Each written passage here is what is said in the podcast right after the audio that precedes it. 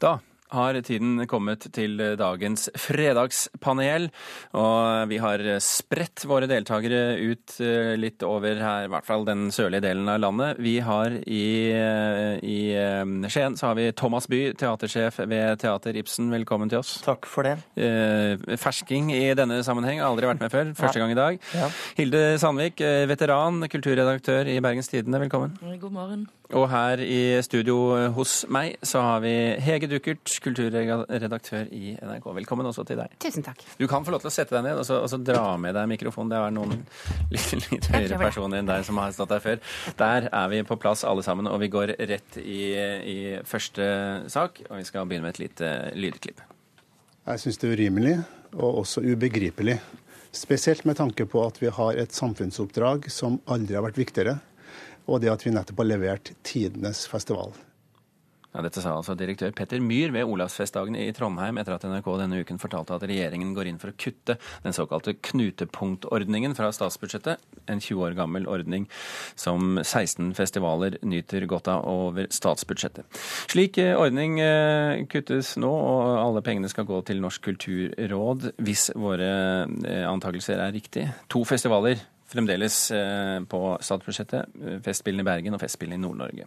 Spørsmålet i dag er er dette urettferdig? Hege? Eh, ja. Thomas? Ja. Hilde?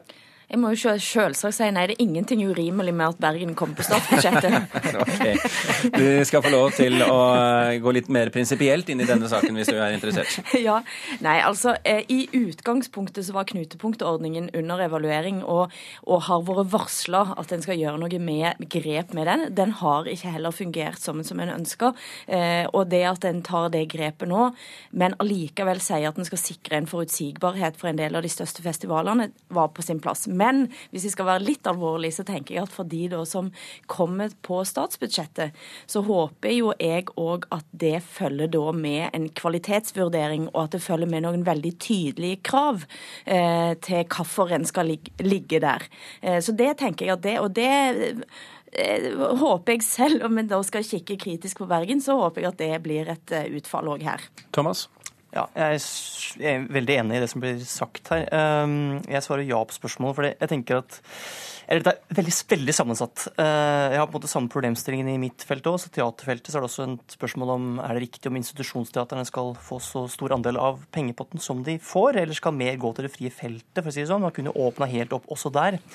Men jeg tenker at dette med å ha en forutsigbarhet, da, det tror jeg kommer måtte, brukerne av festivalene til, til, altså, til deres glede i den andre enden. Så for min del så er forutsigbarhet et nøkkelord her. Hege Duckert, det er jo mange som, som, har blitt lei seg og sinte denne uken. Men det er jo vel så mange som har blitt glad.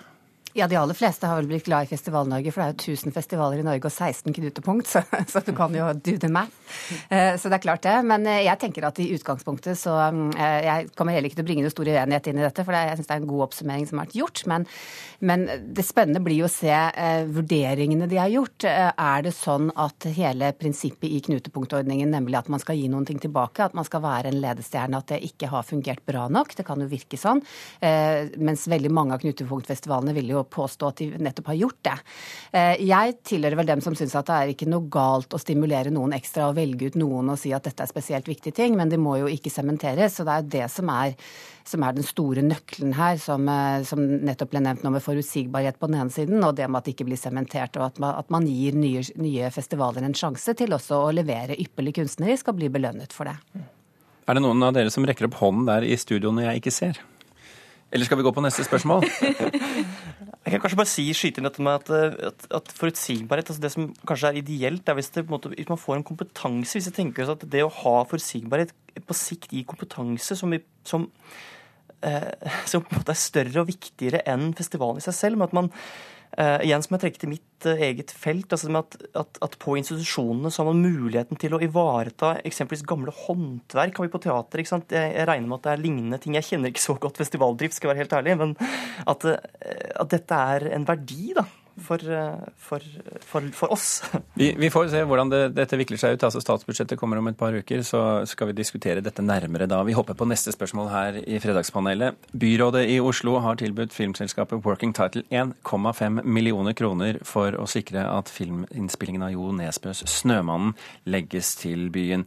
Og vårt spørsmål er er det riktig av Oslo kommune å bruke millionbeløp på å få en filminnspilling til byen, når pengene f.eks. kunne vært brukt på kulturskoletilbud for barn? Eh, Hege? Ja. Thomas? Nei. Hva med deg, Hilde? Ja. Hvorfor sier du nei, Thomas? Rett og slett fordi Det er mulig jeg er sånn idealist her, men Det er ikke alltid det. Eh, jo, altså, eh, hvis du som filmskaper du skal lage en film som i den boka du filmatiserer, er plassert i Oslo, så tenker jeg det er da til filmens beste at denne legges til Oslo. Og hvis alt skal legges ut på anbud, hvis alt skal selges, hvis Vestavind 2 blir spilt inn i Dubai fordi de har budt mest penger, det blir, det blir på en måte idiotisk i en eller annen eh, til slutt. Men så idiotisk er det jo blitt. Altså, De aller fleste filmer filmes jo inn ikke på de lokasjonene som en sier, sier at en er på.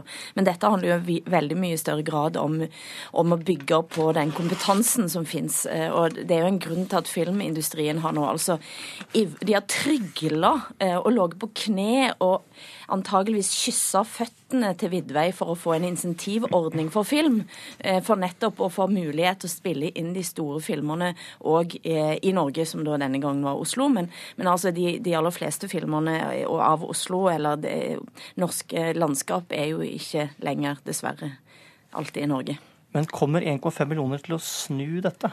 Ja, men altså, Det kan iallfall se ut som at det er den slags bidding eh, en kan ha på, på, på, topp, da. Det er i hvert fall et grunnlag. Det er i hvert fall en start. for Jeg, jeg støtter jo Sandvik i dette at dette har vært en lang diskusjon, og man har ønsket hvordan kan man bedre legge til rette for at det går an å spille inn filmer i Norge, og at ikke kostnadsnivået gjør at vi ikke får gjort noen ting med det. Og jeg tenker jo akkurat eh, 'Snømannen', som jo er en, en, bok som veldig mange nordmenn har forhold til at utspiller seg nettopp i Oslo, eh, så er det jo et godt sted sted å starte. Og et eller annet sted må man starte. Om 1,5 millioner er riktig beløp, om det var gjort for hastig, alle disse tingene her, det får nå være så sin sak. Men det å, å, få startet et arbeid med det, å gjøre et forsøk på det, tenker jeg må være verdifullt. Men, men, spørsmålet er jo om det er verdt pengene kontra hva du får igjen hvis du bruker det på f.eks. kulturskolen. Ja, men det, det, var jo det som var Så jeg tenkte halvannen millioner kroner, hvor mange kulturskoletimer får du for det? Altså det er egentlig så er det en ganske liten, beskjeden sum. Si det til han som står først i køen, du. Hilde Sandvik. Man får jo også nå sjansen til å evaluere det. Dette er et forsøk. Så har man lagt inn et konkret beløp som nå alle vet hvor mye er, og så får man sjansen til å evaluere om det gir noen ting tilbake. Ja. Jeg føler at vi kan runde av det her, og så hopper vi til siste spørsmål som vi må fortelle lytterne uh, dukket opp i, dag. Så det, er forberedt på en litt annen måte, i hvert fall med litt kortere tid. Og det går som følger. Uh, I dag uh, står altså Stein Erik Hagen frem som homofil, og det gjør han på Skavlan senere i, dag. Han trer dermed inn i en lang rekke kjendiser som står frem i mediene om dette og hint. Spørsmålet vårt er er mediene en god bekjennelsesarena for alle typer bekjennelser, Hege? Ja, for noen. Hilde? Ja, det vet vi jo egentlig. Thomas? Eh, ja. Her syns jeg dere dro litt på det. Nei, men det, det, som, altså det, er, det, som, er, jo det mest oppsiktsvekkende her, er jo på et vis at det er oppsiktsvekkende at en gjør en sak på det. Det var en vittig Per som skrev på Twitter nå i dag med oss at det er nok en episode i serien 'Måke står fram som fugl'. men, men, det ligger jo i spørsmålet ditt her at er det ikke sånn at de private tingene våre, det burde vi fortelle våre nærmeste om, og vi burde ikke liksom ha mediene som en arena for det. Men man ser jo stadig vekk at det oppstår mye uklarhet eh, i samfunnet vårt. Sånn er det jo. Det er sånn rykter oppstår. Og at noen velger å ta tak i det og, og da bruke liksom offentligheten, fortelle alle det samtidig, og på en måte som passer dem selv. Det ser man jo, det syns jeg særlig du ser med de sosiale mediene nå, at det er mange kjente mennesker som har ting de ikke har lyst til at skal spekuleres i, og som legger det ut selv og tar en kontroll over det. Så det er vel en måte å bruke mediene på for å få sagt noe til alle samtidig. Thomas? Jeg tenker at jeg, jeg, håper ikke at det er nødvendig for Stein Erik Hagen å stå frem som homofil. altså Er det nødvendig for oss som samfunn at han forteller det? Men det er mulig det er det. Det er mulig at det hjelper andre homofile til å stå frem. Jeg, jeg vet ikke. Men det jeg tenker mest på, er på en måte all den tiden det tar Jeg kjenner at jeg skulle så veldig mye heller sitte og diskutert noe annet enn, enn dette, skal jeg være helt ærlig. Eh, det kjennes som, ja, som eh, noe som burde være en privatsak.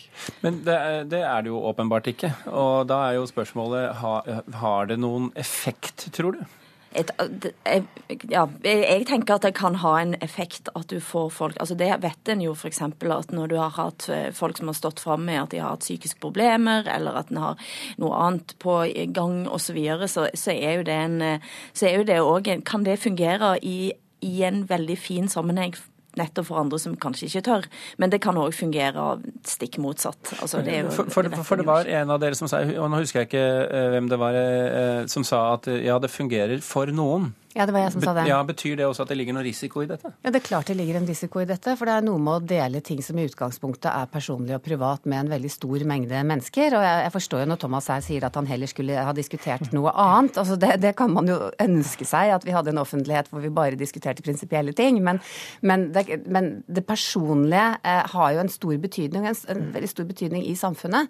Sånn at det å, å, å kunne bestemme selv hvordan man vil fortelle noe som er viktig for, for en, om man vil fortelle det til sine nærmeste eller til alle samtidig. Og det kommer jo an på hvem man er, hvilken posisjon man er i. Men det er klart det er en stor risiko ved det, fordi at man får jo også da et blikk tilbake på seg. Men samtidig så er jo nettopp dette en sånn type spørsmål som det burde ha vært unødvendig å stille, altså eh, om man er homofil. Og det tror jeg jo en av grunnene til at han sier det nå, er jo nettopp fordi at det er egentlig blitt et ganske unødvendig spørsmål.